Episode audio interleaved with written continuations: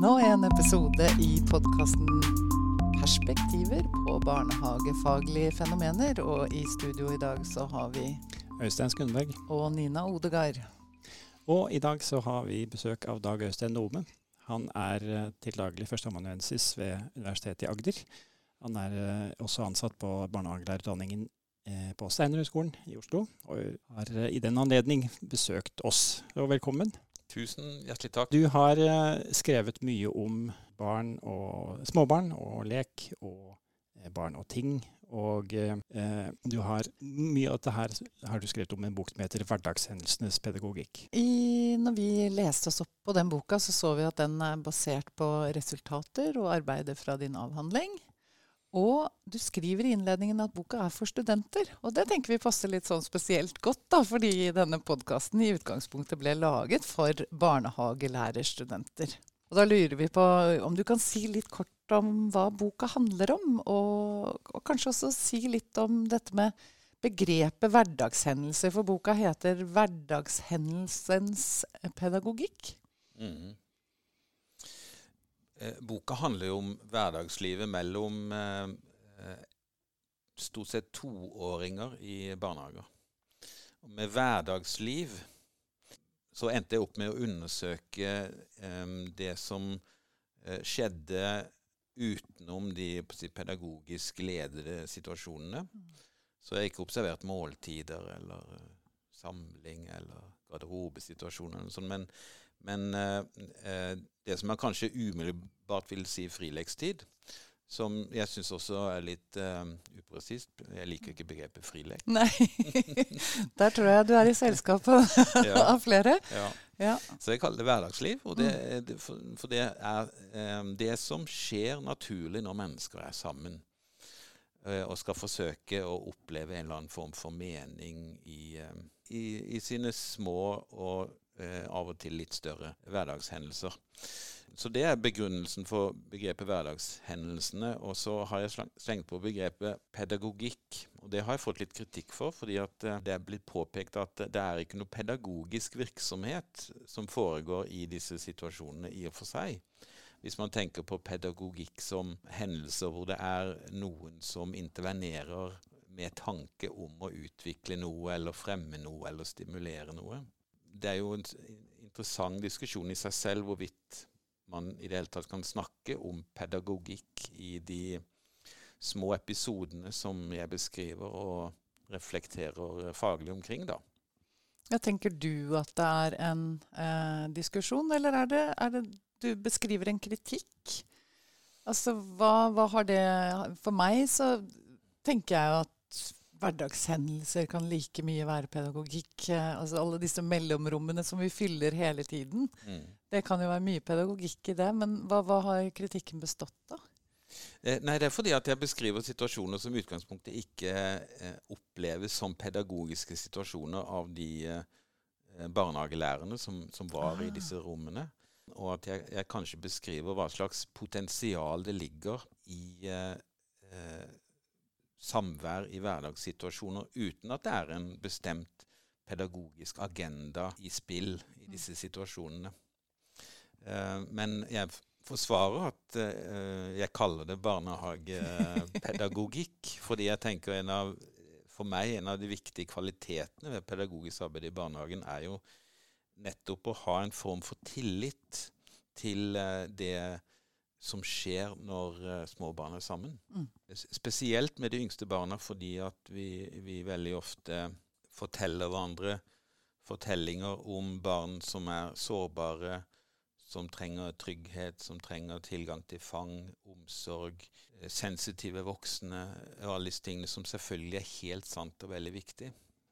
Men, uh, men min agenda med denne boken er å fortelle en annen fortelling, som handler om disse små menneskenes utrolig store potensial for å skape mening seg imellom. Eh, og at det er en veldig viktig del av det jeg vil kalle pedagogisk arbeid i barnehagen. Å gi rom for det og ha tillit til det potensialet. Du skriver jo også om eh, forholdet mellom eh, instrumentalisering av lek, eller instrumentell bruk av lek, og lekens egenverdi. Eh, og det er jo et brennbart tema på mange måter. Og også som, som er avhengig av måte, hvordan man definerer både lek og barnehagens hensikt. Og alt sånt. Og det, det, du akkurat nevnte, var at noe av kritikken du hadde fått, var at altså, hvis man først kaller noe pedagogikk, så må det inkludere en eller annen sånn aktiv vilje eller intervensjon, som du sa, fra pedagogen. Men så kan man jo innvende at så fort en pedagog er i samme rom som barn, så er jo det en slags medvirkning. At det, det, pedagogen intervenerer jo når det er hensiktsmessig osv. Men dette er, kan jo være forvirrende for mange, fordi at eh, man, det er et komplekst forhold altså i en barnehage hvor man både har fått eh, gjennom utdanning og gjennom faget har fått inntrykk av at leken skal få være fri. Det var jo interessant at du ikke liker begrepet frilek, for det er, det er så etablert. Men eh, da vil jeg gjerne høre hva et, et, Kanskje en autonom lek, eller noe sånt. Men hvordan skal folk tenke om det? Hvordan skal de på en måte skille det der med å la leken være fred, og med den verdien det har, og det å intervenere eller styre lek? Er det instrumentalisme med en gang man liksom griper inn eller dirigerer, eller? Jeg tenker at eh, det instrumentelle kommer inn med en gang vi, vi tenker oss at uh, leken har en eller annen hensikt, eller kan tillegges en eller annen hensikt utover lekens egenverdi her og nå. Og Det er veldig tydelig i rammeplanen eh, at begge deler er, eh, er viktig, og at eh, en av kjerneelementene i barnehagepedagogikk er jo å se potensialet i leken også. Med tanke på språkutvikling og sosial kompetanse og alle disse tingene som, som helt åpenbart løses eller utvikles mye bedre i lek enn ved at man setter seg i ring i en samling og snakker om det for å si det sånn.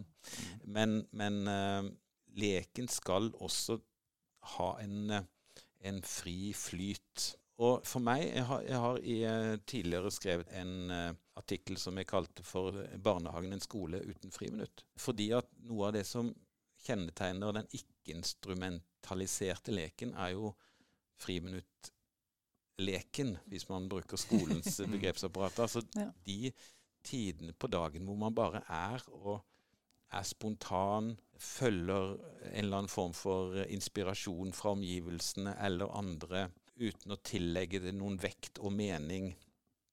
Og jeg sammenligner det også med, i, i boka med, med, vår bruk av tid på hobbyer. Mm. Som jo er veldig viktig for oss voksne. Og vi gjør jo ikke det fordi det, vi tillegger noen verdi utover det rommet hvor hobbyen lever sitt liv.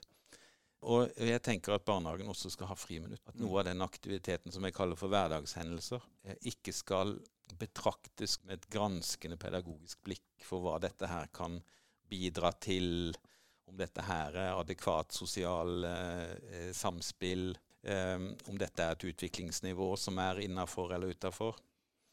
Rett og slett eh, gi, gi også barnehagen friminutt. Går det an å tenke sånn at hvis Altså, en, hvis en pedagog er uh, del av måte, disse hverdagssituasjonene, så vil jo pedagogen ha liksom, en oppmerksomhet. Sånn, altså, hvis det ble konflikter, eller hvis man ser at det er noen som faller utenfor, sånt, så vil jo pedagogen gjøre noe. Altså, ikke nødvendigvis gripe inn, men liksom styre. Men er det det at eh, det instrumentelle ville da eventuelt ligge i hvis man har en veldig sånn, klar hensikt med at nå skal vi lære noe bestemt? Og at pedagogen på en måte på forhånd har bestemt seg hva det er. Ja, eller gjerne. Eh, også spontant. Jeg har et eksempel i, i, i, boka hvor jeg beskriver en butikklek som spontant oppstår over en stubbe eller en tømmerstokk med blader og steiner og sånn som varer og penger. Og så beskriver jeg det dilemmaet eller det, det, valget som da en barnehagelærer har i, det, i den situasjonen hvor man enten kan gjøre seg til kunde å introdusere telling. Ja. Eh, eh, ikke fordi at det var planlagt den dagen, men fordi at det er en, en, eh, en pedagogisk måte å delta i den leken på, på barnas premisser, på et vis. Og det kan man gjøre, og i tråd med rammeplanen så er det en, en riktig måte å jobbe med tall og telling på. Men barnehagelæreren skal også være oppmerksom på at det kan være en verdi av og til bare la den leken forbli fullstendig fri for tall og telling, eh, og at de bladene kan bli tatt av vinden, og så blir det plutselig en løpelek etter blader som virvler, og butikken er glemt. Så den der, eh, jeg, jeg tenker at man, man, skal tenke gjennom at man ikke alltid går inn i en lek med en eller annen form for eh, voksenpedagogisk, om ikke plan, så iallfall en voksenpedagogisk eh, rolle, da. Ja, nei, jeg syns dette er uh, kjempeinteressant. Jeg får veldig lyst til å diskutere mer med deg, fordi jeg, eh, jeg, jeg merker at jeg fester meg ved det du sier med friminutt. For jeg, på en måte så står vi jo litt i fare med å gi noen sånne eh, på-av-øyeblikk i barnehagen. Som liksom, at det blir satt opp som en slags plan. da, Nå skal vi ha friminutt. ikke sant? Men jeg skjønner jo hvor du vil hen med det. Så vi må bare passe på at vi ikke havner i en sånn skoletenkning eh, hvor, hvor Ja, nå skal vi se hva som skjer, men nå skal vi gjøre noe annet. ikke sant? Ja, Nei, det er ikke det jeg vil fram Nei, til. i det hele jeg, tatt. jeg skjønte det. Jeg bare Men, men det å være barn i barnehage i vår tid, det er jo å, å være under konstant overvåkning. Ikke bare med hensyn til at du skal være trygg og du skal være godt ivaretatt, men du skal også, du skal også til enhver tid kunne, eh, kunne bli gransket med tanke på eh, om det du gjør er eh, hensiktsmessig, utviklingsmessig, innafor eller utafor. Om du og jeg, jeg, Når jeg snakker om disse tingene med, med barnehager, så pleier jeg å sammenligne det med, med hva, hvordan vi ville reagert som voksne dersom vi ble innkalt til sjefen og fikk beskjed om at eh, du er litt for lite sosial med de andre på pauserommet. Du sitter litt for mye for deg selv og deltar kanskje ikke nok i eh, Altså, vi har aldri tålt det. Eh, og vi skal bare være sensitive for barn, at barn også har det behovet. Og det står veldig fint i rammeplanen eh, formulert dette med barns rett til privat, eh, privatliv. mm, Private øyeblikk. mm, Ubevoktede øyeblikk. Det tenker jeg er veldig viktig Og eh, innvilge barn. mm. Jeg syns det er eh, kjempe, kjempeviktig. Eh, og og eh, jeg kan gi en sammenligning som jeg bruker ofte selv når jeg underviser eh, eh, studentene. At jeg er litt opptatt av at vi skal tre litt tilbake. Og så pleier jeg å bruke den der reklamen for lenge siden som var sånn Se hva som skjer. At du bare liksom legger deg liksom litt bakpå, og ikke er så eh, foran. Så jeg, jeg følger deg hele veien. Ehm, hvis vi skal gå et uh, lite skritt videre Du skiller mellom barneperspektiv og barns perspektiv. Mm. Hva er det viktigste forskjellen mellom disse to perspektivene, tenker du? Ja, det, det For meg så er eh, barnepers begrepet barneperspektivet knyttet til Blir fort iallfall knyttet til et sånn kan si et utviklingspsykologisk eh, eh, tankesett, hvor det, handler om hva er en egnet måte å fortelle dette for barn. Eh, hva er en aldersadekvat eh, arbeidsmåte her? Eh, eh, hvordan skal dette formidles på en god måte til en treåring og en fireåring osv. Det er et barneperspektiv. Mens barns perspektiv eh, er jo i, i, eh, i den store og nesten umulige oppgaven å forsøke å se disse hverdagssituasjonene gjennom barns øyne. Da. Så at man er på jakt etter deres opplevelse av mening i disse situasjonene. Um, så jeg tenker det er viktig å, å skille mellom de to begrepene. Men kan vi egentlig ta et barns perspektiv?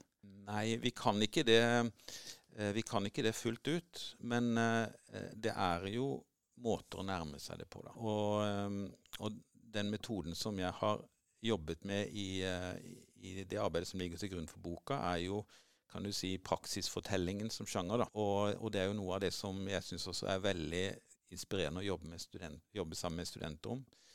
Um, for det å gå inn og beskrive uh, hendelser så objektivt som mulig, så, uh, og ikke minst få fram mimikken og kroppsspråket og lyder og bevegelser. Og forsøke å ikke ta sitt eget perspektiv, men å forsøke å, for å aktivt lete etter eh, de ulike aktør, aktørperspektivene i en sånn eh, fortelling. Det kan komme oss eh, litt nærmere. Mm. Og da, når du begynner å snakke om aktører, så får jo jeg lyst til å, å bringe inn eh, sosiologen, antropologen og noen, for noen også filosofen Bruno Latour. Fordi at eh, her eh, beskrives jo i din bok om tingene i rommet som sosiale aktører. Og da syns jeg jo det er noe å følge opp på i forhold til det vi nettopp snakket om nå. Han snakker jo om at ting har agens, og at det kan påvirke handling. Hvordan tenker du at ting kan være barns sosiale aktører? Jeg, jeg tenker at, eh, at, barn har eh, de, de, små barna som jeg har observert, de har et veldig intenst og nært forhold til tingene sine. Um, og, og, og, det var noe som slo meg når jeg observerte i disse barnehagene hvor, hvor, hvor ofte det var et eller annet i hendene på dem. Eh, det kan være en snor med et eller annet de trekker etter seg, eller en dukkevogn de dytter foran seg, eller en bil, eller en dyrefigur. Eh, men, eh, men, det slo meg hvor, hvor, tett forbundet de var med ting, og hvordan tingene så ut til å gi dem noen muligheter som de ikke hadde uten disse tingene i hånda. da. Helt fra at de, de, de kunne bruke tingene som inngangsbilletter til aktiviteter. Ved at de lot den der dyrefiguren ta kontakt med leken før de selv kom inn. Og da, da ser, ser, jeg det som jeg med Latour-begrepet kaller for et aktørnettverk. da hvor, hvor disse tingene, figurene og lekene gir barna noen muligheter til å være litt annerledes i rommet enn de ellers ikke er. da. Du bruker jo begrepet 'ting'. Og det syns jo jeg var interessant, for jeg jobber jo med en del lignende teorier som deg. Eh, men, men, jeg har ikke vært så mye borti tingbegrepet sånn som du skriver det fram. Men du skriver om barna og tingene deres. Så når du sier ting, hva tenker du på? Hva inkluderer eh, ting? Ja, jeg var, var, veldig bevisst på at jeg ikke ville kalle det leketøy. For det er, eh, det er um, for meg et ganske sånn begrensende begrep. Fordi at barna for, forholder seg ikke i utgangspunktet til eh, at leketøy har en annen type agentskap enn andre ting. Andre gjenstander. Og jeg har blitt veldig inspirert i den senere tiden av, eh, av eh, den, denne eh, landskapsarkitekten som heter Simon Nicholson. Som har utvikla det han kaller 'theory of loose parts'. Det syns jeg er en veldig fascinerende ting å lese. Om disse ubestemte eh, Hvor viktig det er at barn er omgitt av ubestemte ting som sånn sett kan tas i bruk utenfor den tiltenkte funksjonen som har eh, det mulighetsrommet ved at det, det, er enten har gått i stykker, eller ligger feilplassert, eller eh, på en måte i alle fall har falt ut av sin egentlige funksjon. Da, og, kan, eh, og, kan, gjøres noe med. Da. Og der, Derfor syns jeg ting er et mye tøffere begrep enn leketøy. da, Fordi det omfatter også eh, alle disse såkalte løse delene da, mm. som, som, som, kanskje detter av eh, det kan være så enkelt som en bit av appelsinskallet som falt på gulvet når pedagogen eh, gjør klar fruktskålen, ikke sant? Som, som kan bli til noe. Dette, må jo være musikk i dine ører? ja, det er jo det. Jeg blir jo så ivrig. Og jo, jeg jobber jo med gjenbruksmaterialer. Det har jo liksom vært min inngang. da, Og det er jo det jeg nettopp uh, disputerte i forhold til uh, i januar. Og, og, og, ser jo mange, mange, paralleller med ditt tingbegrep og, og, de åpne materialene som jeg beskriver. Vi voksne er jo også glad i ting. Så det, jeg tror også du nevner at hvis det er én ting som vi voksne i veldig stor grad blir styrt av, så er det jo telefonen vår. Mm. Man, uh, I en T-banevogn så er det ingen, ingen enkelt ting som på en måte styrer folks atferd mer enn akkurat den. Da. Hvis vi kunne gått over og skulle snakke om noe annet som også du berører her, så er det det her med den uh, relasjonene mellom de, de minste. Uh, og der har, sant, vi har, det har blitt gjort en del mer forskning om det med om små barn har vennskap eller ikke. Mm. Men, men, du skriver også om eh, toddlerkulturen. Mm. Og det, det syns jeg er et veldig godt begrep. Kan du, kan du si litt om hva, hva som ligger i det? Det Altså, kultur er jo på en måte veldig vidt og stort, men hva, hva betyr det i den sammenhengen her? Ja, altså Tollekulturbegrepet er jo utvikla av, av, Gunvor Løkken opprinnelig. Og det, det, er jo fordi hun mente å se at disse barna, én- eh, til treåringene, hadde en bestemt type samværsform. At de hadde et bestemt type språk, og de har noen bestemte typer ritualer, noen bestemte typer hellige steder, mm. som må undersøkes som en, på samme måte som vi undersøker andre kulturer som vi møter. Da. Nå er jo det toddlerkulturbegrepet kritisert litt for å eksotifisere den aldersgruppen. Eh, så det er jo viktig å, å, eh, å ikke glemme at også deres, disse barnas samværsform, selv om den har sine karaktertrekk knytta til hvordan de er kroppslig, så er det også fortolkninger av eh, vår kultur til stede eh, i, i, måten de eh, oppfører seg på. da. Men, men, det som jeg syns er interessant, er jo å få tak på hvordan de utveksler og skaper mening basert på kroppslige, nonverbale uttrykk. Der har jeg jo, jo jeg som Gunvor Løkken i stor grad basert meg på eh, Maurice Merleau-Ponty og hans forståelse av hvordan eh, vår subjektivitet og vår eh, refleksjonsevne og vårt språk Eh, og vår, sos vår, sosiabilitet har en rot i, i å, å, være kroppslig. At vi er kroppslige vesener. Og det får vi ikke så fort øye på når vi er sammen, fordi det er liksom ordene som legger, legger en sånn tåke overalt, så vi tror det er det som skaper ting mellom oss. mens, mens, det Merleau-Ponty får oss til å få øye på, er jo at også for oss i bunnen er eh, vår kroppslige måte å være sammen på som gjør at vi, vi har en eller annen form for meningsfull utveksling av eh, oss imellom. da. Og det er så tydelig i, eh, i den aldersgruppen. Jeg har brukt eh, Gunvor Løkken en del, jeg, og, og særlig når jeg skal liksom forklare dette her i forhold til materialer, at små ting eh, gjør at vi sitter mer og jobber aleine, men store ting gjør at vi jobber sammen. Og det er jo særlig den aldersgruppen du har studert. Har du sett noe av det samme? Ja, ja eh, absolutt. Eh, men, men, små ting har også et liv seg imellom. Da. Det, det er det som jeg syns er fascinerende. Og når jeg lagde denne boka, her, så, så var jeg veldig bevisst på valg av eh, fotografi på framsida. og dette her eh, bakebrettet med disse rundstykkene og disse barnehendene. Mm. Eh, det var opprinnelig et bilde jeg fant eh, på hjemmesiden til Bønes barnehage utenfor Bergen. men det hadde for dårlig oppløsning, da, så forlaget måtte iscenesette en en bakeaktivitet med barna til fotografen for å få fram det samme. Da. Eh, men her er jo poenget at, at eh, som også Merleau-Ponty snakker om, hvordan disse tingene vi har i hånda, blir en forlengelse av oss. Våre kropper og også dermed vår subjektivitet. da. Så for meg så ble dette bildet her på dette, ba, dette bakebrettet med disse rundstykkene et bilde på hvordan barna også med disse tingene plasserer seg selv i et fellesskap, da, hvor de er sitt sitt bakverk og, og legger sin, sitt rundstykke ved siden av helt bestemte andre rundstykker. Mm. Kanskje de som de kjenner de har et litt intimt forhold til akkurat den dagen, kanskje. Og Det er litt fint hvordan disse små tingene kan, også kan skape sosiale hendelser, fordi tingene hører sammen. Ja.